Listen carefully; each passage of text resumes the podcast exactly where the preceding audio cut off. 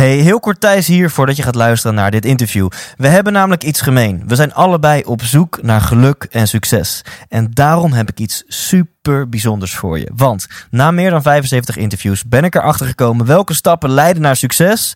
Maar ook dat succes heel vaak niet leidt tot geluk. Wat is nu een methode om succesvol te worden en tegelijkertijd gelukkig te zijn? Die ontdek je in mijn e-book Leef Intens 8 lessen na 75 interviews. Dit e-book kun je helemaal kosteloos downloaden op ikwilgeluk.nl. Dus ga nu naar je browser, typ in ikwilgeluk.nl en ontdek een methode om echt gelukkig te worden. Ik ben Nicolien Sauerbrei en je luistert naar de 100% Inspiratie Podcast.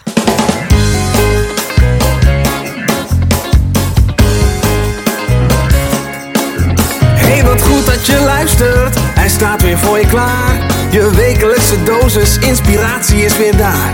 De allerleukste gasten geven al hun kennis prijs. Met je veel te blije host, hij praat je bij. Zijn naam is Thijs. Thijs, Thijs, Thijs, Thijs, Thijs. 100% Thijs. Je luistert naar aflevering Intens 47 van de 100% Inspiratie podcast. En mogelijk heb je de aflevering van vorige week ook gehoord. En ik hoop dat die aflevering jouw perceptie, jouw beeld van rijkdom, van geld en zeker van beleggen helemaal op zijn kop heeft gezet in positieve zin. En ik denk dat het seminar op 21 april dat al helemaal gaat doen. En mocht je nu uh, enthousiast zijn geworden. Mocht jij je eerste babystapjes als belegger willen zetten, dan, uh, dan kan dat. En dan kan ik jou aanraden om een account aan te maken bij de Giro. En dat kan via de link in de omschrijving van deze podcast. Ik zelf dacht altijd dat beleggen is iets voor super intelligente mensen. En aandelen kopen, hoe doe je dat? Dat is vast een heel ingewikkeld proces met allemaal tussenpartijen. Nou, dat is, het, dat is dus helemaal niet zo. Je kunt echt binnen een minuutje een account aanmaken op de Giro. En dan kun je beginnen. Je, je hebt een soort van Google-functie waar je Tesla in kan tikken. Of, uh, of Google, als je aandelen Google wil kopen. Of trackers, of obligaties, of grondstoffen. Wat dan ook. Alles is daar mogelijk. En dan, um, ja, ik zou je willen aanraden. Begin gewoon met een paar tientjes, of een paar honderdjes, of een paar duizendjes. Begin met een bedrag wat voor jou comfortabel voelt. Gewoon om even te voelen. Gewoon om even te kijken wat het met je doet. Of het wat voor jou is. En um, waarom moet je dat dan doen bij de Giro? Nou, dat is de allervoordeligste. En waarom via de link bij deze podcast? Als je die link gebruikt, dan uh, word ik door de Giro bedankt met een klein cadeautje. Nou, dan maak je mij ook nog eens helemaal blij. Het kost voor jou overigens niks extra. Een aanmaken van een account is gewoon gratis. Dan naar de podcast van deze week. De gast van deze week, dat is Nicolien Sauerbrei. En ik denk dat ik haar niet hoef te introduceren. De meest succesvolle, beste snowboarder aller, aller, aller tijden die wij als Nederland ooit hebben gehad. Zij is aller, allereerste Nederlander met een gouden plak in de sneeuw. Dat heeft zij in 2014 bij elkaar gesnowboard op de Reuzenslalom. En ze heeft daarmee het onmogelijke mogelijk gemaakt. Dit zou eigenlijk helemaal niet moeten kunnen. Dit is eigenlijk heel erg onlogisch. Wij als Nederland zijn geen snowboardland. We hebben niet de kennis, we hebben niet de techniek, we hebben niet het geld, et cetera. Dat hebben we hier allemaal niet. En het zou eigenlijk onmogelijk moeten zijn om als Nederlander een gouden plak in de sneeuw te pakken te krijgen. En dat heeft Nicolien voor elkaar gekregen. En uh, ja, daarom heb ik haar gevraagd voor deze podcast. En heeft zij mij en gaat zij jou meenemen op weg langs haar verhaal naar het, het bereiken van het onmogelijke. En uh, ga daar heerlijk voor zitten. Laat je inspireren. Alles kan in het leven. Hier is Nicolien Sauerbrei. 100% wijs! Hier in deze spinningruimte. Ja. Ik heb nog nooit een interview gehad in een spinningruimte. Maar tegenover mij zit Nicolien Sauerbrei. De meest succesvolle Nederlandse snowboarder aller tijden. Eerste Nederlander ooit die een, uh, een gouden medaille wint in de sneeuw. Uh, maar voordat we over dat soort dingen gaan praten, wat wil jij worden als je later groot bent? Ja, dat, die vraag kon ik vroeger heel makkelijk beantwoorden. Toen ja. ik uh, als klein meisje um, veel buiten was, heel veel genoot van het buiten zijn, van het buiten spelen. Uh, zei ik altijd, als ik later een hond heb, dan ga ik met mijn ijskookkarretje ga ik de wereld rond. En dat vond ik eigenlijk wel uh, heel erg overzichtelijk. Ik wist precies wat ik wilde. Met je ijskookkarretje ja, de wereld rond? Ja. Vertel, vertel. ja, ik weet niet. Daar had ik een heel mooi beeld bij. En dan ging ik de wereld ontdekken. En blijkbaar gek op ijs. Ik heb geen idee. Nou, uiteindelijk is het wel iets geworden van ijs, maar dan uh, met minder kleurtjes. Ja. en, maar uiteindelijk, ja, weet je, ik vind de vraag nu best wel lastig te beantwoorden. Ja? Want ik heb veel bereikt in mijn leven. Ehm, maar ik ben eigenlijk heel happy. Ja? Eh, ja, en ik, ik ben, word eigenlijk het meest blij van het feit dat ik andere mensen kan helpen. Dus als ik dat nu de komende jaren doe, Ja? dan ehm, is dat wat ik later had willen worden als ik groot zou Ja. zijn. En, en op welke wijze doe je dat nu? Als je dat nu al doet, andere mensen helpen? Ja, ik heb vorig jaar met eh, mensen gewerkt die een afstand tot de ar- arbeidsmarkt hadden, dus een beperking. En dan kan je kijken naar eh, ADHD, autisme, eh psychoses, dat soort dingen. Nou, dat vind ik gewoon heel mooi om, om meer uit mensen te halen. En dat is niet per se bij mensen met een beperking. Maar ik geef ook bootcamps. Vind ik ook super leuk om mensen net dat grensje te laten bereiken. die ze Ja. anders nooit hadden bereikt. Of net Ja. eroverheen. Eh, maar, en ik doe nu met mijn zusje samen een sportmassage. We hebben allebei de opleiding gedaan. En dan is het ook prachtig als mensen bij je komen. en dat uiteindelijk zo blij naar huis gaan. en helemaal. eh, zich weer prettig voelen doordat jij ze hebt kunnen helpen. Ja. En, eh, dus ik heb op meerdere vlakken dat ik, dat, ik dat wel eh, dagelijks eh, ervaar. Cool. Ik heb hier nu al zoveel vragen over. Van hoe is het dan om na zo'n zo'n super mooie carrière zeg maar, te stoppen en andere dingen te gaan doen? Maar laten we chronologische volgorde aanhouden. Dat, Ja. eh, ik ben super autistisch, dus dat vind ik fi- fijn. En mijn luisteraars mogelijk ook. Dus ik wil eerst eens weten, hoe is het jou gelukt? Eh, op, op welke leeftijd ontstond dan bij jou een passie voor snowboarden of een passie voor topsport? En ehm, wat heb je er allemaal voor gedaan? Nou, dan ga ik nog iets eerder terug. Want ik, ehm, nou, ik ben geboren van twee Amsterdamse ouders. Geboren, en eh, niet getogen, maar wel geboren in Amsterdam. Uiteindelijk zijn ze vertrokken naar het platteland. Ja?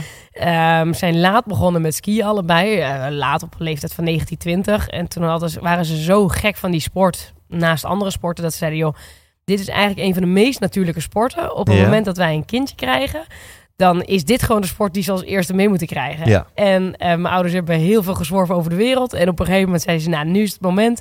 Toen kwam ik en eh, ben ik bij tweejarige leeftijd op de skis eh, gezet, zullen we maar zeggen. Waar, waar, en daarvoor zat ik zelfs nog in de rugzak. Dus hè, ik, ja, ik kan me überhaupt niet meer herinneren. Dus, en mijn vader heeft toen eh, opleidingen gedaan eh, voor skileraar. eh, echt hoger opgeleid, waardoor je veel in het buitenland moest zijn voor cursussen en opleidingen. En elke keer mocht ik mee. Dus ik was meer dan gemiddeld, een Nederlands kind gemiddeld in de sneeuw. Ja. En ehm, ja, daarnaast heb ik heel veel andere sporten meegekregen van mijn ouders.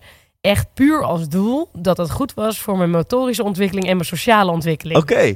Ja, En hoezo je sociale ontwikkeling? Omdat als je veel sporten kan, dan eh, kan je altijd mee met eh, kinderen die jou vragen: ga je mee paardrijden? Ja, Oh, oké. dat kan ik. Ga je mee judo? Ja, dat kan ik. Je, je staat er nooit naast of buiten. En, Ja. eh, en je maakt ook vrienden natuurlijk. Sport verbroedert. Dus Ja. ehm, zeker met teamsporten, wat ik overigens relatief weinig heb gedaan. Omdat mijn ouders vrijheid wilden houden. Ja. Dus weg kunnen in het weekend en zo. Maar ehm, je, je merkt heel erg sterk, dat had ik vroeger ook op het schoolplein, dat als je kan sporten, dat je daardoor altijd gewoon een bepaald soort ehm, vertrouwen hebt. Dat je altijd mee kan, dat je altijd vrienden hebt. Ja. Dus dat hebben ze op zich heel goed ingezien. En mijn vader komt wel uit de wedstrijdsport. Maar mijn moeder heeft echt een hekel aan wedstrijdsport. Dus die heeft altijd afgehouden toen ik eh, bleek talentvol te zijn voor meerdere sporten. En er zijn op een gegeven moment trainers die dan eh, aan ouders gaan vragen van... joh, laat er een keuze maken, dat is belangrijk. Waarop mijn moeder altijd het heeft afgehouden. En ehm, op een gegeven moment kwam ik met 11-jarige leeftijd kwam ik thuis. En toen had ik een vraag gekregen om naar de Nederlands kampioenschappen voor snowboarden in de sneeuw te gaan. En ehm, ja, met die vraag eh thuiskomen, want dacht mijn moeder van nou prima, regel het maar op school. Dat moet je zelf doen. En dat zal voor een week zijn. En dan vind ik het prima. Ja. Nou ja, daar is eigenlijk de passie geboren voor, voor de snowboardsport. En mijn vader is toen die week met me mee geweest. Want welke sporten deed je nog meer daarnaast? Waar je ook veel talent voor bleek te hebben? Ehm, ik, ik was zeer talentvol voor judo en wielrennen. En windsurfen ging me eigenlijk ook goed af. Maar ja, eh, ik, ik, eh, ik deed heel veel sporten. Voetbal, eh En je, zeilen, en je was nog maar elf. Ja, ja, maar ik, ik, ja, heel motorisch al. En dat is natuurlijk Ja. ook een geluk dat je dat meekrijgt van je ouders. Ja. Dat je motorisch sterk bent. Maar mijn zus eigenlijk ook. Dus we hebben altijd alles ook heel veel thuis kunnen doen. Dus ehm, ja, dat scheelt ook. Maar De snowboarden thuis hoort hem niet, te, nee, ik. maar dat, wa dat was inderdaad ook plastic, plastic banen. Maar eh, je paardrijden komt thuis, kano, wauw. ja, alles. ja, we hadden het niet breed, maar mijn ouders kochten al veel tweedehands. Waardoor voor ons alles nieuw was. Zo werd Ja. het gebracht. En werd- daardoor hebben we alles kunnen doen. Dus je was elf. Snowboarden was één van de, laten we zeggen, acht sporten die jij deed. Ja, en daarvoor werd je toen gevraagd om aan het Nederlands kampioenschap Ja. mee te doen.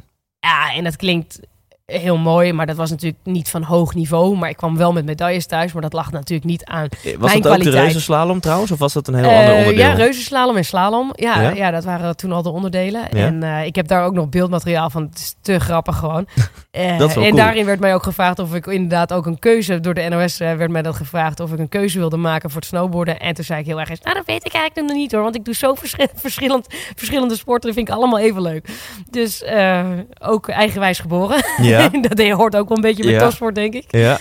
En, eh, maar daar, daar is wel uiteindelijk... eh, mijn vader zag daar wel heel veel jongeren met dezelfde passie. Ja. En die waren niet gesteund door een bond of een club. En toen had hij het gevoel van... ja, weet je wat, als we dat nou eens bundelen... dan kunnen al die kinderen met elkaar gewoon dezelfde passie delen. Ik zie elke keer die glimlach.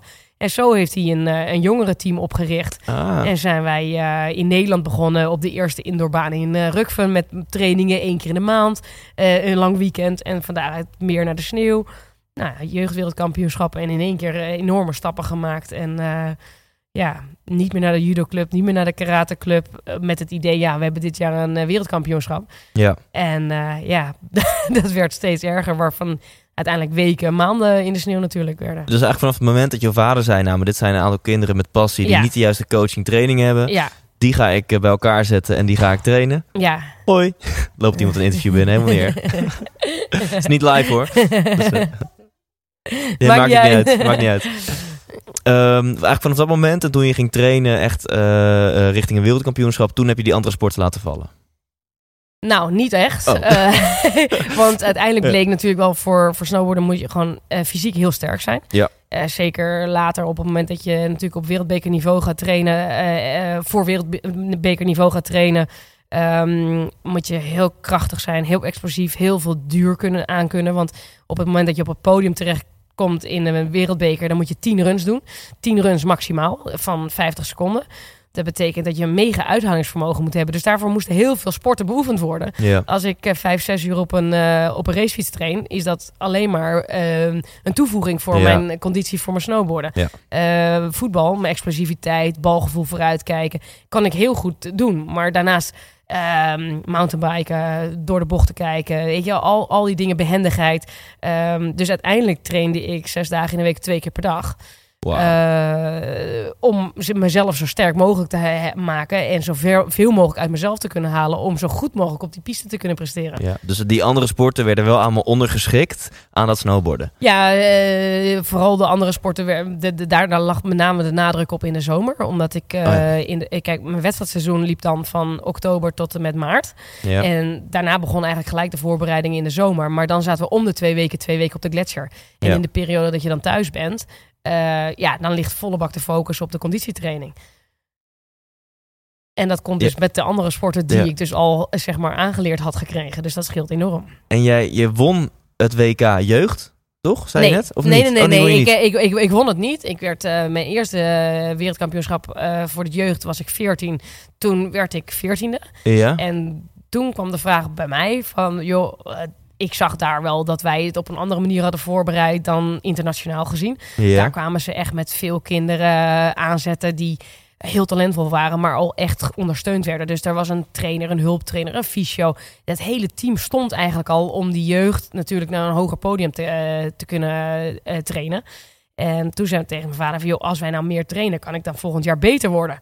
Nou ja, daar is maar één antwoord op. Als je het niet probeert, dan weet je het niet. Mhm. Dus zo zijn we uiteindelijk acht maanden van het jaar in de sneeuw terechtgekomen. Maar meer trainen. Je traint al twee keer per dag, zes dagen Nou, per in week. die, in die beginperiode was dat natuurlijk. eh, het is een, hè, ik vertel het even in vogelvlucht, maar natuurlijk als je 14 bent, dan- train je nog niet twee keer per dag, Nee. eh, zes dagen in de week. Maar ehm, ja, eh, toen trainden we wel, wel zeker. ehm, nou, de helft. eh, is, maar qua uren is het natuurlijk minder intensief. Als je 14 bent, is sowieso. Dan ga je niet vijf, zes uur op een, eh, op een racefiets zitten.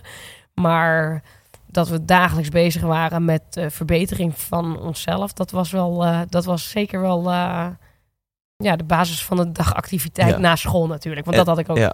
En toen, dat jaar waarin je dus meer bent gaan trainen.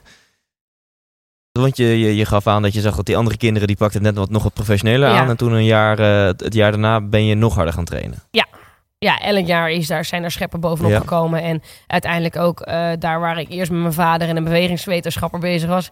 En nou komt bij David Lloyd dus, de, de- het spinningscherm naar beneden. Ja. Zodat we zo meteen even op de fiets toch We kunnen doen stappen. even, even een, eh, een sportbreakie. Prachtig.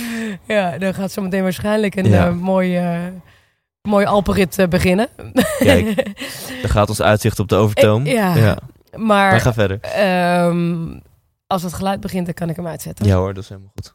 Maar ehm, kijk, op het moment dat jij voelt dat je aansluiting hebt bij de wereldtop, dan moet je zelf mee gaan professionaliseren. Dus Ja. je moet gaan innoveren in je eigen team. Je moet daarin mensen aan gaan trekken die de kennis hebben. En al gauw bleek dat we dat niet in Nederland konden vinden. Mensen weten heel goed in Nederland eh, over voetbal hoe het gaat. eh, wanneer buitenspel, welke trainer, wat voor spelposities. Schaatsen weet iedereen dat linksom is. Maar als je over snowboarden vragen gaat stellen in Nederland, dan, dan houdt het al heel snel op. Ja. Maar ik kwam er ook achter dat als ik vragen stelde aan leeftijdgenoten, dat ik gewoon heel vaak eh, geen antwoord kreeg, maar het antwoord beroepsgeheim. Mm. En dat choqueerde mij toen. toen ik, hè, als je jong bent, dat je dan van leeftijdgenoten zulke antwoorden krijgt. Maar dat geeft ook wel aan ja, hoe ze daarin staan. Dus ehm, ja, uiteindelijk eh, hebben we wel mensen aangetrokken, bewegingswetenschappers in Nederland. Hebben we eh, gewoon de sport laten analyseren van, joh, welke eh, sp- spieren gebruik je nou daadwerkelijk? Ehm, wat voor trainingen moeten we doen? We hebben met schaatsteams zijn we, aangesloten, bij eh, professionele skiteams aangesloten. Om daar gewoon maar in de keuken te kijken en om daar kennis uit te halen. Eh, met als gevolg dat je wel eens een jaar ja, een blok beton was qua spiermassa, maar geen resultaat. Dus zo Ja. moest je schaven en zo moest je... Jeetje, je moest eigenlijk ja, gewoon het wiel uitvinden. Ja, soort van, ja. Terwijl die kennis er bij de concurrentie misschien nog gewoon was. 100 procent. Ja. Ja. Ja. Wauw. En uiteindelijk, want in het begin ben je dus gaan kijken naar de concurrentie die het professioneler aanpakte dan jij, dan jullie. Ja. Maar uiteindelijk ben jij de Olympisch kampioen geworden. Dus uiteindelijk ben jij de grootste, de eindbaas geworden. Ja, dat klopt. Weet je wat? Ik ga muziek, Ja, muziek we uitzetten voordat we echt in de Alpen terechtkomen hier. Nee, maar zo werkt het ook. Als je het niet erg vindt. Ik vind het helemaal goed. Dat je, je bent uiteindelijk de, de beste geworden. Dus je bent beter geworden dan ehm, de ja. concurrenten waar je in eerste instantie... we hebben natuurlijk... ehm, ik, heb, ik heb uiteindelijk, wat ik zeg, acht maanden van het jaar in de sneeuw gezeten. En dat betekent dat je gewoon eh, weinig nog in Nederland bent. En alle uren die je hebt, of het nou kerstvakantie is of oud en nieuw of wat dan ook, sta je gewoon op de piste en dan ben je aan het trainen. Ehm, ja, je, je maakt heel veel uren. En ja, een beetje geluk met mijn, eh, met mijn spiermassa misschien. Een beetje geluk met, eh, met gewoon mijn DNA, hè, hoe ik geboren ben. Ja. Want ik bedoel, eh, ja, dat, krijg, dat komt niet vanzelf. Maar door heel veel te trainen kan je jezelf wel verbeteren. En uiteindelijk inderdaad, toen ik in 2010 met Olympisch goud naar huis ging... toen is bij de Oostenrijkse bond iedereen ontslagen... omdat ze weer Ah. geen Olympisch goud hadden gehaald. Ja. En daar enorm werd in geïnvesteerd. Zowel, ja. Ja, vooral financieel natuurlijk. Maar is het misschien juist een, succes, eh, een succesfactor in jouw succes... dat je het allemaal zelf bent gaan uitzoeken?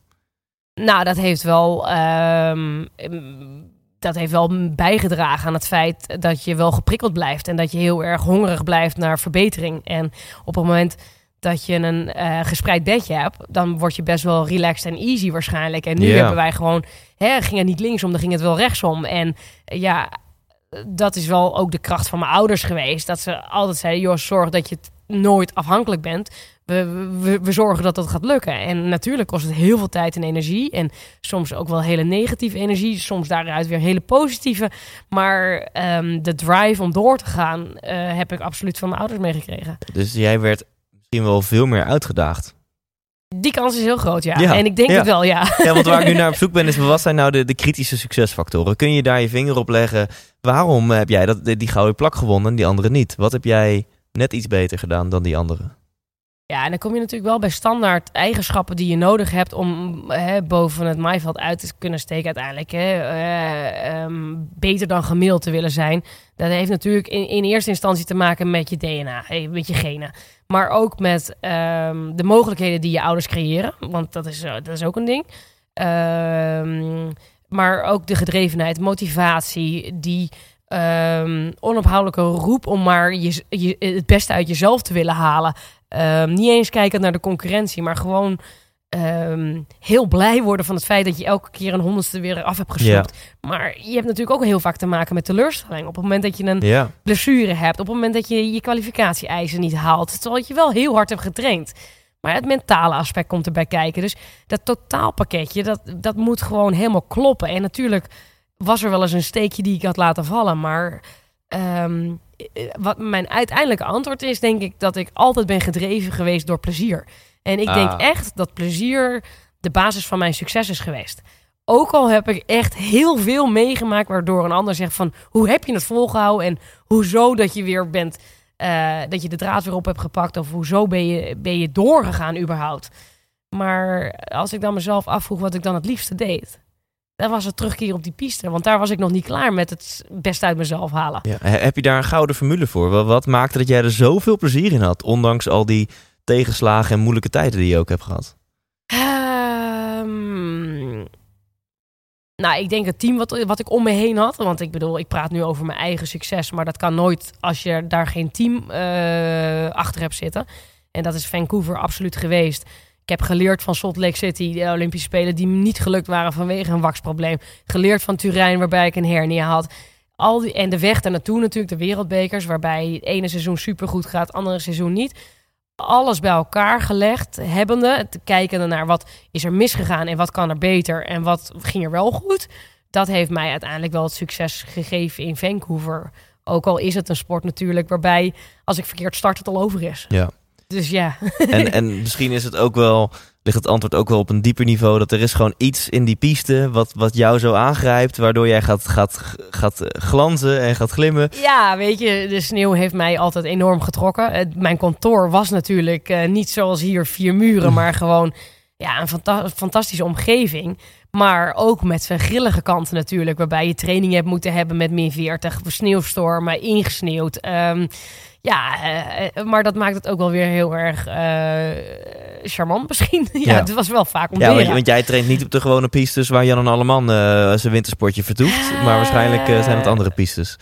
Ja, vaak wat steiler, vaak wat ijziger, eh, vaak gereserveerd. Dus dat, eh, om, Ja. omdat gewoon de snelheden zo hoog Ja. liggen dat, dat het gevaarlijk is als daar inderdaad eh, de, de toeristen tussendoor komen. Ehm, we trainden ook op hele andere uren. Vaak voordat de, de toerist zeg maar, op de piste kwam, waren wij bijna al klaar met de training. Dus dat betekent dat je gewoon om half zeven, kwart voor zeven de eerste lift pakt in de zomer. Of in de winter eh, voor wedstrijden. Ja, Dus ja, we hadden een, eh, een, strak ritme. ja. Maar ja, het, het was toch altijd heel erg mooi. En eh, ik denk ook dat we met elkaar die gedrevenheid, omdat het niet allemaal vanzelf ging, hebben gevoed door, door ons ergens in vast te bijten. Ja. En altijd maar gewoon door te gaan. Er was geen optie En- van stoppen. Gewoon. En kan je zo vertellen over hoe ziet zo'n training eruit op de piste? Want ik kan me zo voorstellen dat je niet constant gewoon diezelfde reuzenslalom maakt, maar dat je op hele specifieke onderdelen daarvan aan het trainen bent. Eh, enerzijds moet je gewoon duizend en één keer de, de course trainen. Gewoon een Ja, miljoen keer ja. dat parcours. Ja, ja. ja. weet je, natuurlijk verandert het parcours- parcours elke dag. Het ligt eraan welke trainer hem steekt, de. Ja. Eh, de hellingshoek bepaalt, de sneeuwsoort bepaalt. eh, hoe, hoe het gaat natuurlijk. Gedurende een training slijt de piste meer uit. Dus de omstandigheden worden steeds moeilijker. Dus het is nooit hetzelfde. En dat maakt het ook zo lastig aan deze sport. Als je over schaatsen praat, dan kunnen de jongens over PR praten. Hè? Personal records. ja. Dat kan bij ons niet. Nee.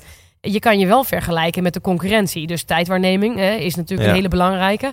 Eh videoanalyses zijn super belangrijk. Dus daar waar je naast of met de concurrentie traint, gewoon videoopnames maken en s'avonds thuis eh, eh, dat bekijken. En dan heb je systemen waarbij je dan de runs op elkaar kan leggen. Dus van de atleet A en atleet B leg je het op elkaar. En dan zie je precies daar waar iemand de versnelling uit een bocht heeft gehaald en daar waar niet.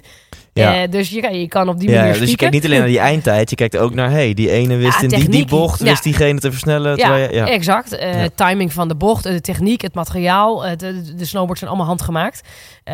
Op het laatst heb ik een serviceman gehad die met mij heel ver ging in het ontwikkelen van het materiaal. Dus de schoenen werden met carbon verstevigd. Ehm, er kwamen platen onder de bindingen, waardoor je een grotere hoek kon maken om meer op zijn kant te staan.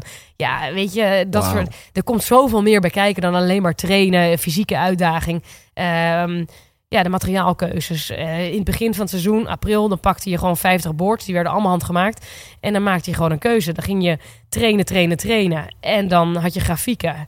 En uh, dan, dan, was je gewoon aan het kijken naar welk boord wanneer het, uh, het, het, snelste was.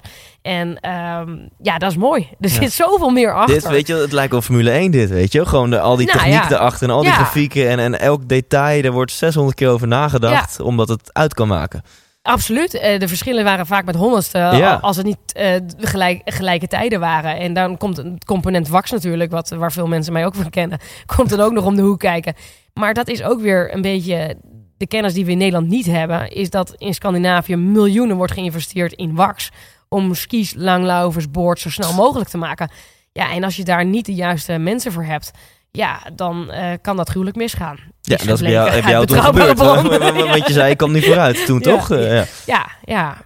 Ja. Dus, uh... hey, en die keer dat je, dat, dat je goud pakte, weet je wel, het zijn twee runs, toch, die je ja. dan doet? Nee, sorry, twee kwalificatieruns. En daar, daarna begint het knock-out systeem van acht runs. Dus dat zijn de tien runs in totaal die je moet doen. En dan de laatste run, dan weet je, in worst case heb ik zilver. Ja, Toch? Want het gaat om goud. Ja, het is een knock-out systeem. Dus elke keer als je iemand twee keer hebt verslagen... je krijgt een keer een kans op de rode koers en een keer op de blauwe koers... dan is de snelste, is het, gaat uiteindelijk door. En dus dan krijg je uh, het hele eh, verloop van een uh, knock-out systeem. En dan ga je voor grote en kleine finale. En voor grote finale ben je absoluut zeker van een, van een medaille... en de kleine finale niet. Dus ja, dan kan je altijd nog vierde worden. en, en, en, en, die grote finale op het moment dat je... want ik, ik, ik heb de beelden gekeken toen je tegen een, een, een Rus moest, een Russin, zeg je het zo...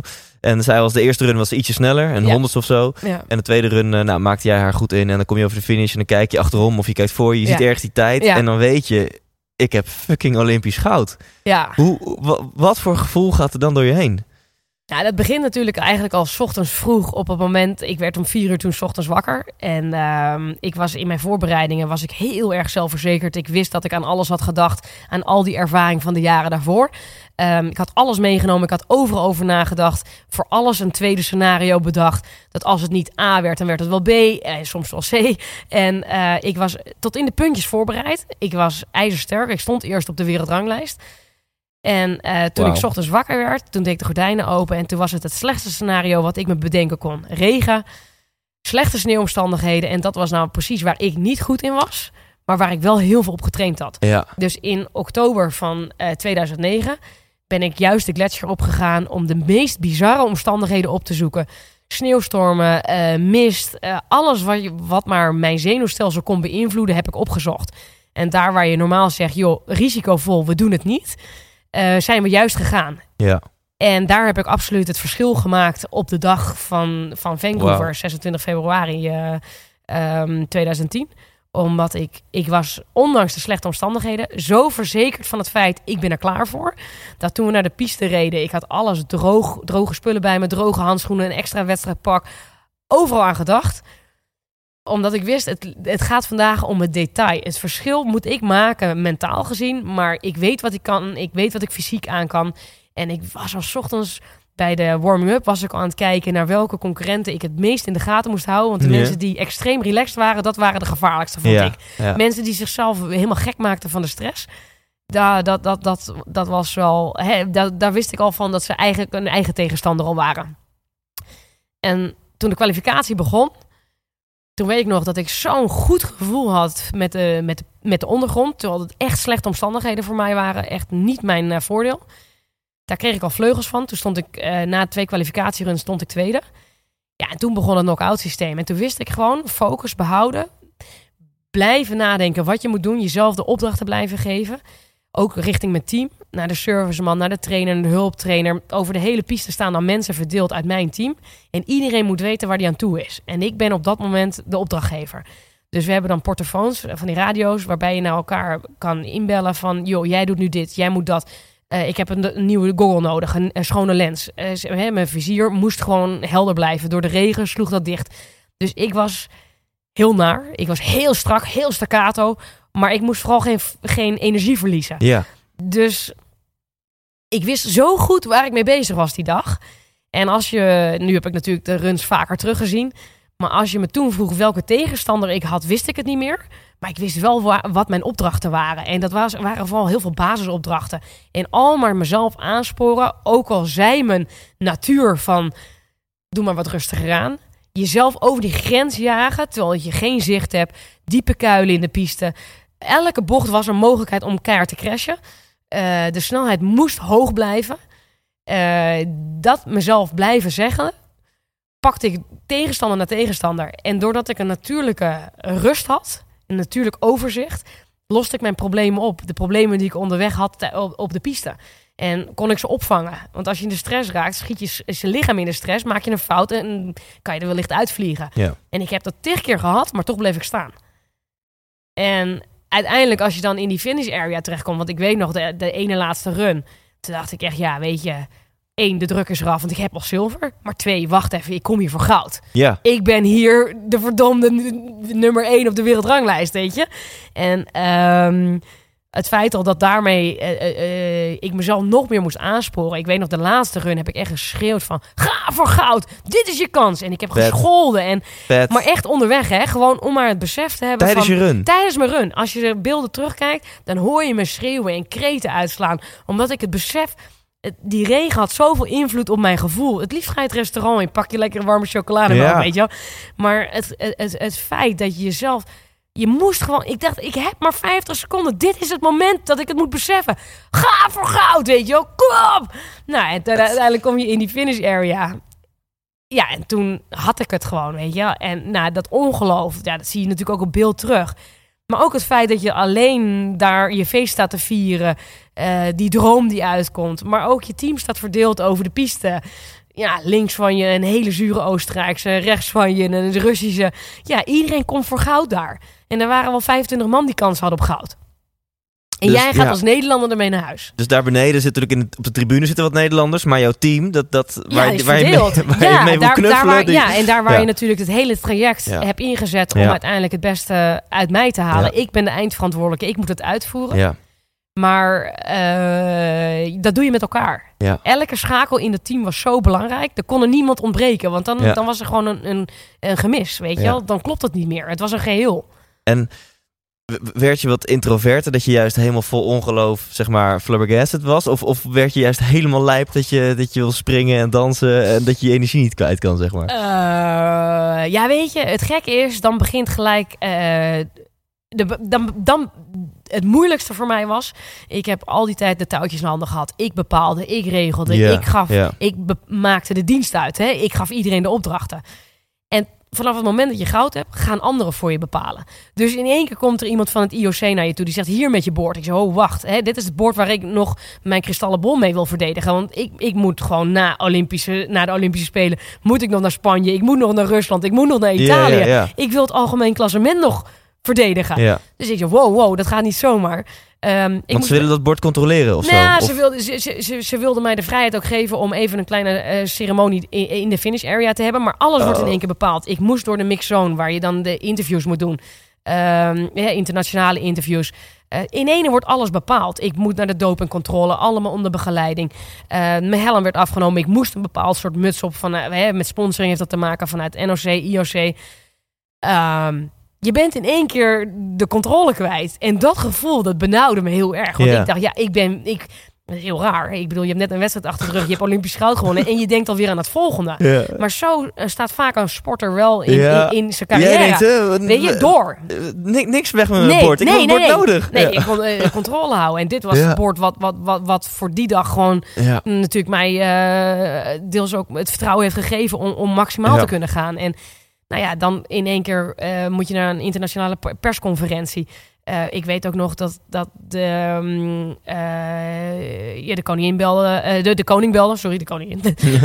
de koning belde, Balkenende belde. Weet je wel, dat gaat allemaal tussen de bedrijven door. Ik weet ook nog waar ik liep. Het was allemaal drassig nat, want het had geregend. Dus je lo- loopt gewoon door, door smerige, natte sneeuw met, met toen de tijd Balkenende aan aan de telefoon. En ja, gefeliciteerd. Ja, ja, hartstikke leuk, maar ik moet nu door, weet je wel. Hey, heel leuk dat je belt. Jan-Peter, maar... eh, Ja, weet je, en, en, en, en, en eh, ik kon niet goed mijn woorden vinden. Ik, het eerste wat ik ook zei, technisch was het niet mijn beste run, want, eh, mijn, mijn beste race. Want ja, die omstandigheden waren zo moeilijk. Het evenwichtsgevoel was, ja, je moest het maximale gevoel hebben. Ja. En ik zag, ik zag in, mijn, in mijn hoofd nog terug de beelden dat ik dacht, ja, die bocht was niet goed aangestuurd, weet je. Dus dat was het eerste wat ik zei. Het was niet perfect. En nu nog kan ik me ervoor schamen dat sommige bochten niet goed liepen. Of, eh, ja, mijn woordkeuze was natuurlijk bizar. Het is bizar. Ja, ik kon geen andere woorden vinden. Ja. Ja, en dan, dan uiteindelijk wordt ook het, het rare is, je wordt in een, in een auto gezet en je moet naar Medal Plaza. Weer de controle kwijt. Ja. Je krijgt een pak papieren mee. Mijn manager was mee. En die zat heel serieus op de achterbank met mij die papieren door te nemen. Je hebt gewoon net goud gewonnen. En toen ineens kwam er iemand op me. Maar wacht even, ik rij niet in één keer naar Medal Plaza. Ik zeg tegen de chauffeur, ik moet nog langs ons huis. Want we hadden een grote villa gehuurd waar het hele team was. Ik, zeg, ik moet naar huis. Ik moet droge kleren aan. Ik wil niet in, de- in de broek van de manager staan en in het shirt van, van mijn eh, serviceman. Ik wil gewoon mijn eigen kleren aan. Ja. En gelukkig ben ik zo bij de hand geweest Ja, om toch nog even langs lekker. huis te gaan. Daar kwam de kok, die stond met de spullen klaar. Nog twee pannenkoeken in mijn mik. En ik, ik heb me gelukkig omgekleed. Want die foto's gaan uiteindelijk... Die, ja, die zie je nog natuurlijk terugkomen bij Ja. Plaza. Dat je staat te springen en te juichen. Ja. Stel je voor, ik ben niet groot hè. En dan in veel te grote kleren daar staan. Ja, Ja. Dus dat zou, dat zou de rest van je leven je achtervolgen. Ik denk dat je, sowieso dankjewel dat je dit verhaal deelt. Het is echt heel gaaf dat je ons meeneemt Nee, naar gewoon dat hele, die, die run en dat pad Tsunami naartoe. aan informatie. Heel vet. Nee, het is echt heel cool. En ehm, ehm, ik denk dat je al best wel wat van jouw succesfactoren noemt. Want, want dat je dus over die finish komt en meteen denkt... oh, mijn volgende run. En oh, die ene bocht had eigenlijk beter Ja. gekund. Ja, je bent Terwijl je fucking perfectionist goud in, hebt, dus eh, dat- in hart en nieren natuurlijk. Die, die instelling, ja. die, eh, als je die niet had gehad... had je hem ook nooit gewonnen, denk ik. Nee, dat zal. Want ehm, als topsporter ben je eigenlijk nooit tevreden. Het kan altijd beter. En Ja. dat is soms een hele irritante eigenschap voor, voor je medemens, zeg maar. Soms ook voor Ja. jezelf. Het is ook wel eens goed gewoon. Ja, oh, als we het dus hebben over geluk en succes... nou met name dan dus geluk. Hoe is dat dan voor jou? Want je wilt toch ook, je ook genieten van, van het moment. Je ook genieten van die mooie prestaties. En ehm, ben je dan wel gelukkig als je telkens toch weer gefocust bent op de toekomst... en, en zo kritisch bent op jezelf? Nou, achteraf gezien, want eh, na Medal Plaza eh, ben ik gelijk naar Dione gegaan, naar de NOS. Daarna ging natuurlijk het dak eraf bij de Holland Heinekenhuis. En om twee uur s'nachts lag ik toen in bed. En ik had geen druppel alcohol gedronken, Oh. maar ik was gewoon kapot van de energie die de dag had gekost. En daarvan was ik bijna dronken. Ja, En toen lag ik in bed en ik weet nog dat ik de medaille op mijn kussen had neergelegd en dat ik die nacht geen oog dicht kon doen. Zoveel adrenaline heb je dan nog in je. En, ehm, maar de volgende dag moest ik mijn tas alweer inpakken, want we gingen de volgende dag naar de koning. En, of naar, toen naar de koningin. En eh, we werden daar gehuldigd. Maar een dag later moest ik weer eh, naar Schiphol om een wedstrijd in, in, eh, in Moskou te doen. En vier dagen later stonden we inderdaad in Spanje. En daarna stonden we weer in Italië. Want ik was gewoon bezig met mijn wereldbekerseizoen af te maken. En ik stond daar godverdorie eerste. Ik wilde gewoon die kristallen bol mee naar huis nemen. Ja. Als ik achteraf iets anders had mogen doen, ja, had ik veel meer stil bij moeten staan bij succes. Ja. En mijn voordeel is ook geweest dat ik weinig heb stilgestaan bij teleurstelling. Omdat ik altijd van teleurstelling heb gedacht, daar kan ik meer uithalen. Want eh, teleurstelling klinkt altijd heel erg negatief. Maar juist van teleurstelling kan je leren. Dus als je denkt, wat kan ik er de volgende keer aan doen... zodat het niet nog een keer gebeurt, werkt het juist heel positief en heel motiverend. Maar langer stilstaan bij succes, dat had geen overbodige luxe Nee. geweest. en, en, en bedoel je dan puur mentaal... of bedoel je ook echt in, in hoe je, je je dag of je week indeelt? Nou, ge- ge- gezien het wedstrijdschema was het niet altijd eh, eh, mogelijk om langer bij eh, succes stil te staan. In die zin dat je vaak weer bezig was met de volgende trip. Ehm, ja, zo'n heel team moet weer verkassen van A naar B. Dus, maar een uurtje langer had wel gekund Ja, hoor. ja, ja, Ja, mooi. ja. Even een vraagje tussendoor. Hoe hard ga je van zo'n zo'n piste af? Ja, in principe ligt de gemiddelde snelheid tussen de 80 en de 100 km per uur. En dan heb je rugbescherming en een helm op. En met die snelheden maak je bochten van, eh weet ik veel, eh, bijna 90 graden. Ja, je ligt wel eens heel plat. Ja, je ziet dus, je ziet dus nu wel eens van heel dichtbij. Ja, ja. Hey, en, en als je niet zo slalom, als je gewoon eh, vol gas gaat, heb je, Ja, het is natuurlijk heb je als op je app van- dat je even kijkt van, hey, nee, dat doe ik eigenlijk nooit. Ik ben wel echt een eh techniekfreak. Ja, dus ik vind het super mooi om gewoon... Snelheid komt erbij op het moment dat je techniek goed gaat, zeg Ja, maar. Dus ja. ik- nu nog kan ik er enorm van genieten om, om bezig te zijn met techniek. Op el- Maar goed, een, een tempo wat, wat, nou ja, gevorderde snowboarders halen als ze goed hun best doen, zeg maar gewoon rechtdoor. In dat tempo loop jij de slalom, eh, slaloms te maken. Met bijzonder Eh, scherpe ja, dat is lastig bochten. te vergelijken. Ik, ik, ehm, wat, wat veel mensen niet doen, is natuurlijk snelheid uit een bocht halen. En dat is bij mij eh, juist waar je op getraind bent. Ja, Dus ehm, Ja. ja. een beetje Ja. vergelijkbaar met schaatsen ook. Hè? Daar waar ze snelheid uit de bocht halen of behouden. En dan in 2015, dan besluit je om te stoppen na echt een waanzinnig glansrijke carrière. Ja, Nou, hadden we het in het begin al een beetje over. En, en, en dan, weet je, hoe eh, had je meteen daarna al voor jezelf duidelijk, maar nu ga ik me hierop focussen, nu ga ik hier mijn geluk uithalen? Nee, kijk, ehm, ik wist heel zeker dat ik na Vancouver door wilde.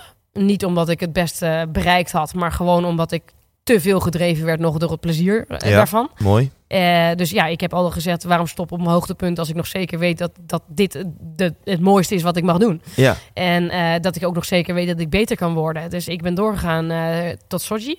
Nou, in Sochi liep het allemaal heel anders. Was ik ehm, eigenlijk nou, zeer teleurgesteld vandaan gekomen. En toen had ik zo'n wrang gevoel dat dat overheerste over, de, over mijn hele carrière. Natuurlijk is dat het moment, hè. Maar ik denk, potverdomme zeg, zo wil ik toch helemaal niet stoppen. Ik, ik heb eigenlijk altijd, onder alle omstandigheden... heb, heb ik wel met een soort van glimlach om mijn, om mijn gezicht gestaan. En nu moet ik op deze manier stoppen. Dus toen heb ik met mijn team bij elkaar gezeten. Ik zie, joh, wat is... Nou, iedereen had hetzelfde gevoel. Dat gaf ook aan hoe we met z'n allen erin hebben gestaan. En toen hebben wij gewoon het seizoen nog een keer eh, verlengd. Met nog een seizoen. Ja. En daar gewoon met elkaar op een goede manier afgesloten. En nu heb ik geen dag meer dat ik denk, had ik maar. Want het is goed zo. Heerlijk. Ja. Ja. Dus een Ja. hele goede keuze ook Ja. weer geweest. En daarna even rust voor jezelf of had je meteen nieuwe plannen? nou, ik, ik, ik was al eh, twee jaar zeker van een baan bij, eh, bij Randstad. Ja. Eh, de directeur had mij gevraagd om, eh, om daar aan de slag te gaan. Als? Ehm, uiteindelijk heb ik eh, gek- gekozen voor participatie. Ja. Eh, omdat dat mij heel erg aanspreekt. Eh, dus mensen met een be- beperking, eh, in mooie termen, afstand tot de arbeidsmarkt. Ja. Ehm dat heb ik een jaar gedaan. Maar daar haalde ik absoluut de drive en de passie niet uit die ik wel gewend was. Mhm. Ehm, en daar liep ik ook tegen het feit aan dat je toch perfectionist bent. Ja. En eigen verantwoordelijkheden altijd heb gehad. Eh, ja. Alles zelf onder controle heb gehad. En nu was ik in één keer afhankelijk van een heel groot bedrijf. Waarin alles veel trager en langzamer gaat dan Ja. dat ik gewend was. Dus ja, die match was er eigenlijk helemaal niet. Dus ik heb eh, een jaar heel veel geleerd en heel veel geprobeerd eruit te halen. Maar ik kwam er ook achter dat dat het niet ging worden voor de rest van mijn leven. Nee. Dus toen heb ik met heel veel passie en een enorme drive heb ik eh, sportmassage opgepakt met mijn zus. En zijn we weer eigen baasje. En daar haal je wel weer die drive uit en die passie ja, uit. Ja. Ja. Ja, die docenten werden ook helemaal knettertje gek van ons. Omdat we toen ook het maximale informatie wilden. Het maximale wilden leren. En dan merk je toch dat je als sporter een heel andere instelling hebt dan een gemiddeld persoon. En dat Ja. is niet om jezelf de borst te kloppen. Want het is echt ook wel eens echt heel irritant.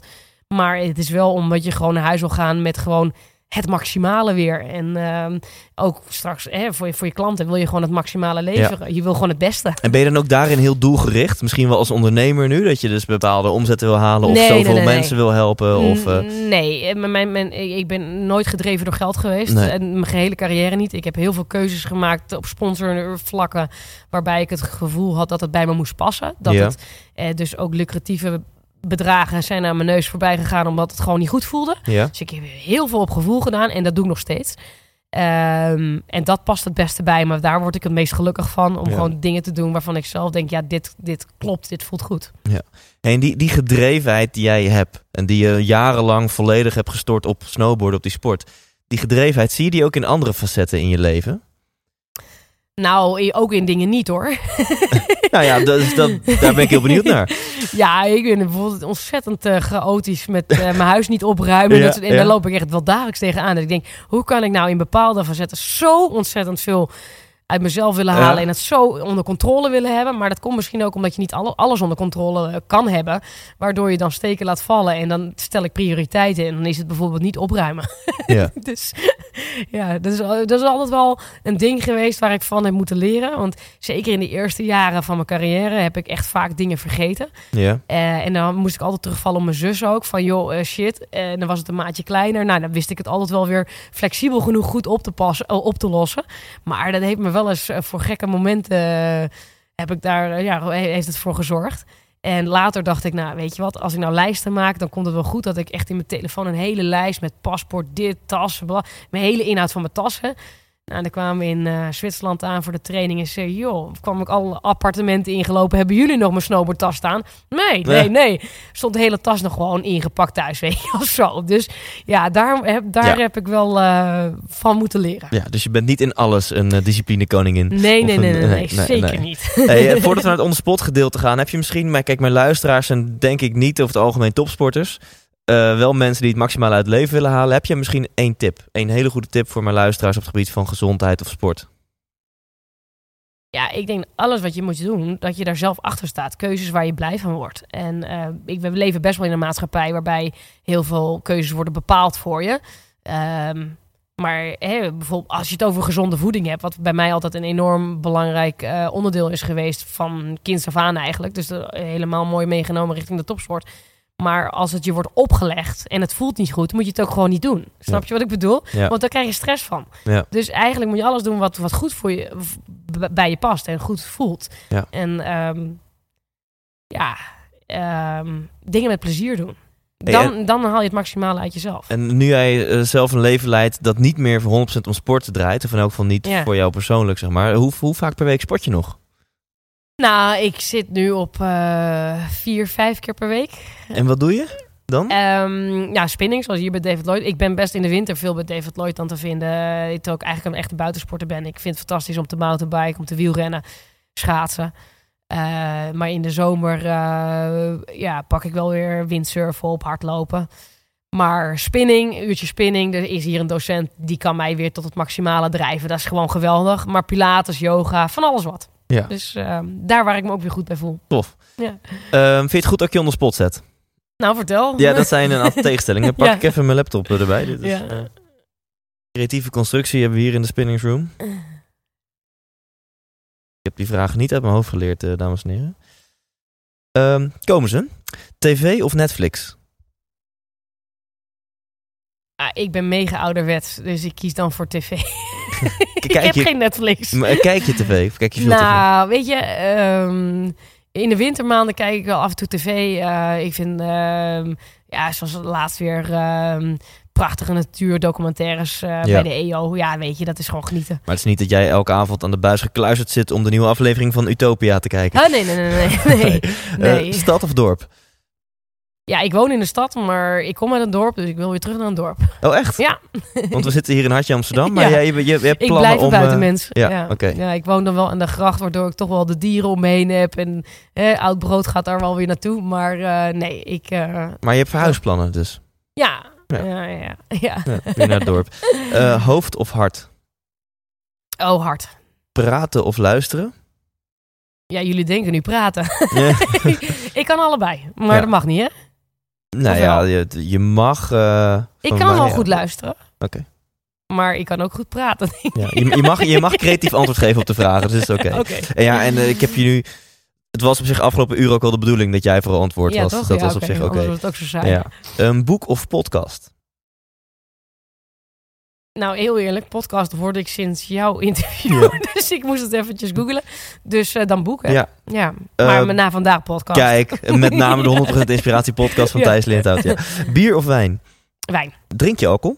Ja, ik vind een glaasje En- wijn bij het eten heel lekker. In de tijden van training was dat eh Oh, 100... nou, ook wel. ook maar al. ik ben eh, geen grote drinker. Nee. Ik ben nooit dronken geweest. Nee. Ik vind nee. mensen gek. Maar eh, dan heb ik wel weer controle nodig. Ja, precies. Ja. Ja, En de dag voor een wedstrijd niet, denk ik. Nee, nee, nee. nee. Nee, nee. Ehm, dronken of stoned? Ja, ken ik allebei niet. Nee, allebei niet. Nee, heel braaf. saai. Ja, heel braaf. Hè? Maar ik, het voelt voor mij helemaal niet zo. Eigenlijk ben je best wel rock'n'roll. Nee, ook niet. Ook niet? Nee, Oh. nee, nee. Jong en onbezonnen of oud en wijs? Allebei leuk. Heeft allebei zijn charmes, hè? En Jong en onbezonnen is heerlijk. Dan Ja. ben je nog gewoon onbevangen. Dan pak je alles op en aan. Eh, nu ben ik oud en wijs. En dan Nou. heeft mijn carrière, jawel, dan heeft mijn carrière me heel veel geleerd. Maar ook wel heel veel dingen geleerd waarbij je toch een soort van muur om je heen bouwt. Omdat je best wel veel negatieve ervaring hebt gehad ook. Ja. Waarbij je minder dat jonge naïeve hebt Ja. wat, je wat ik had. En waardoor ik best wel vaak mijn kop heb gestoten. Ja. Dus Dus dat, dat, dat is wel heel mooi, dit jonge naïeve. Maar ja, het zorgt er ook weer voor dat nou, je... daar heb ik, dat wat, was ook wel een valkuil eh, in de eerste Ja. jaren voor mij. Ja. ik wilde altijd geloven dat iedereen het beste met me voor had. Maar dat bleek toch niet helemaal zo te zijn. Nee, nee, dat is toch jammer. Ehm, Sinterklaas of kerst? Sinterklaas. Dat zeg je heel enthousiast. Ja, Sinterklaas, dames en heren. Eh, Ferrari of Tesla? Eh, ik vind Tesla.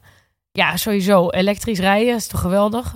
Ja, ik ben enorm van milieu, eh, duurzaamheid. Dus ja, dan is het 100% Tesla. Tof. En ik vind Tesla een mooie auto. Ja. Ik heb hem niet hoor. Nou, ik, ook, ik vind het ook een hele mooie auto. Ja. Eh, Beatles of Stones? Uh, werd allebei uh, veel thuis gedraaid. Uh, maar mijn ouders waren meer van de Beatles. Maar ik vind de Stones ook hele goede nummers hebben. Oeh, wat saaie antwoorden. Kies nou gewoon. ja, nee. Ja, dit ligt toch ook een beetje aan je gevoel. Soms heb je wat, echt wat zegt je gevoel in. nu? Ja, nu lust, dus, lust, wil ik wel een Stone, Stones nummer. Oké, ja. oké. Ehm, Poetin of Trump? Oh man, nee. Op beide een bom. Ja. ja, dat is dus geen keuze. Nee, Ehm, dat beangstigt me echt. Eh, ik weet natuurlijk, Poetin heeft eh, behoorlijk invloed gehad op Sochi. Eh, als je daar dingen leest, hoe dat allemaal gaat, dat ja, is echt gruwelijk. Daar heb ik me ook echt heel erg. Ja, nee, heb ik me echt heel druk over gemaakt. Over mensenrechten schending heb ik me ook over uitgesproken. Maar ik heb ook wel het gevoel dat nu in Amerika de, eh, de bevolking niet helemaal goed bij het hoofd is. Nee. Maar eh, we, we hebben met de hele wereld hiermee te maken nu. Ja. Het Nou, is ga- echt wel heel heftig. En het, eh, het is gewoon heel serieus. Ja. Nou, Gaan we door naar een leukere vraag. Wintersport of strandvakantie? Oh man, nee, je zet me echt voor het blok. Ik hou veel meer van warmte dan van kou. Dat is echt Dus- een coole uitspraak. Ja, ja. en- nou, eigenlijk een warme uitspraak. maar- Ja. maar ehm, misschien dat ik eh, bijvoorbeeld in het najaar, of eh, ja, in het najaar zo'n beetje, dat, dat is na seizoen dan, maart, ehm, eh, in de Dolomieten ga skiën. Mhm. En dan met een hele goede temperatuur, waarbij een terrasje dan ook nog gewoon heel Ja, erg precies. aangenaam voelt. Ja, weet je, we hebben heel veel trainingen in, in Zermatt bijvoorbeeld gehad. Mhm. En dan was het boven min 5, boven, dat is dan op 3800 meter op de gletsjer, min 5, min 10. En dan kwam je terug in het dorp en dan was dat eh, 2000 meter hoog. Maar dan liep je gewoon in je korte broek. En dat was dan, ja, dat is dan de, de ultieme combinatie, Ja. zullen we maar zeggen. Ja, dus dan toch liever dat die korte dan een... broek, oh man, ik, ik heb, doe een moors van een korte broek. Maar, Heerlijk. ja, maar, maar toch liever dat dan een strandvakantie. Nou, een strand, ja, weet je, ik vind een paar dagen luieren heerlijk. Maar Mhm. actief zijn vind ik toch, Ja, past iets beter bij me. Maar ik heb wel luieren af en toe nodig. Oké. Eh, Nederland uit en er nooit meer in? Of Nederland in en er nooit meer uit? Boah, zeg hé. Ik heb toen ik jong was echt altijd gedacht dat ik eh, de rest van mijn leven in het buitenland ging wonen.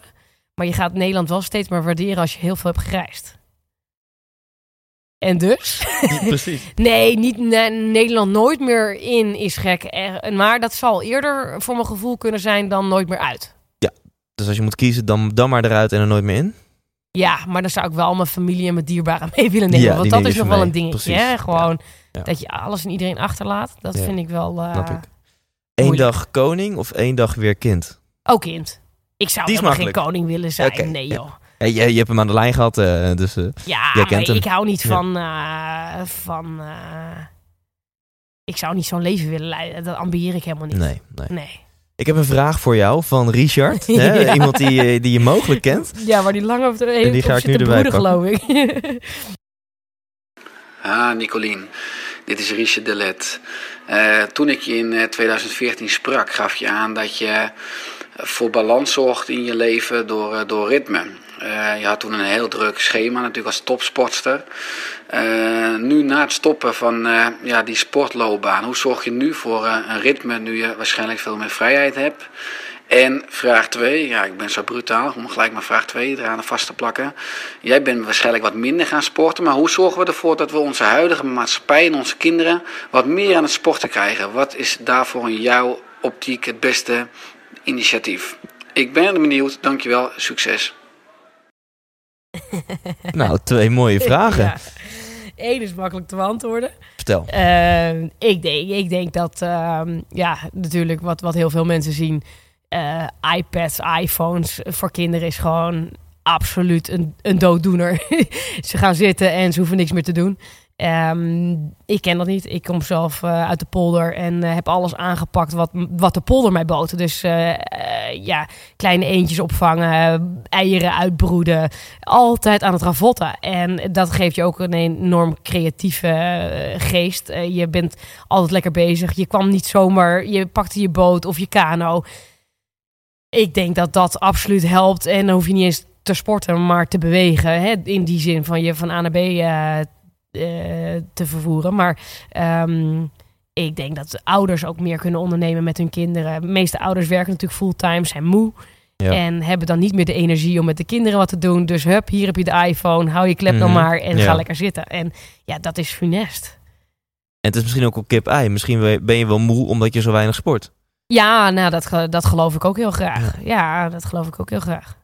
En die andere vraag, hoe zorg jij dus voor ritme en balans in je leven nu? Ja, af en toe heb ik het nu echt heel erg druk. Want ik geef presentaties voor bedrijven. Een beetje het verhaal wat ik zojuist vertelde. Mhm. Ehm, maar ik werk bij Eurosport, bij de skivereniging. Ik heb mijn eigen bedrijf, eh, sportmassage. Ehm, dus af en toe gas geven, heel fijn. Maar ik hou er niet van om mezelf continu voorbij te lopen. Dus ik probeer echt af en toe wel weer rust in te bouwen. En daardoor... ehm, ja, ook mijn momenten te pakken in mijn vrije tijd door met de hond naar het strand te gaan of even naar het bos, gewoon even niet aanwezig zijn. Ja, ja. Gewoon even terug kunnen trekken. Mooi antwoord. Ja, Ehm, wie ik volgende week ga interviewen, dat laat je nog weten. Dan mag Ja. jij voor hem of haar een mooie vraag inspreken. spannend. Tot slot, heb je nog een laatste boodschap voor, voor mijn luisteraars? Ehm,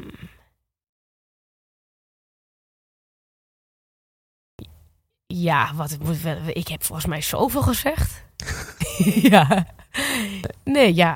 Je hebt ons heel mooi meegenomen naar jouw gouden medaille en wat erna gebeurde. Dat vind ik heel mooi om, eh, om uit je mond gehoord te hebben. Nou, mooi. Dus thanks voor het interview en voor je, voor je mooie woorden. Heel graag gedaan.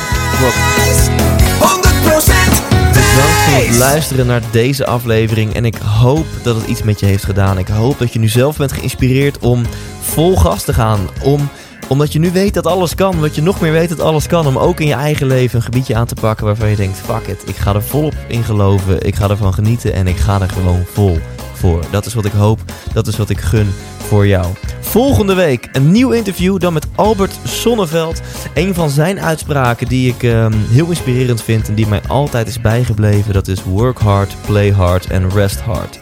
Nou, daarover en over veel meer van zijn wijsheden en uitspraken ga ik hem over eh, bevragen. Volgende week maandagochtend staat hij weer voor jou klaar om je week te beginnen met een inspirerend interview. En tot die tijd, leef intens.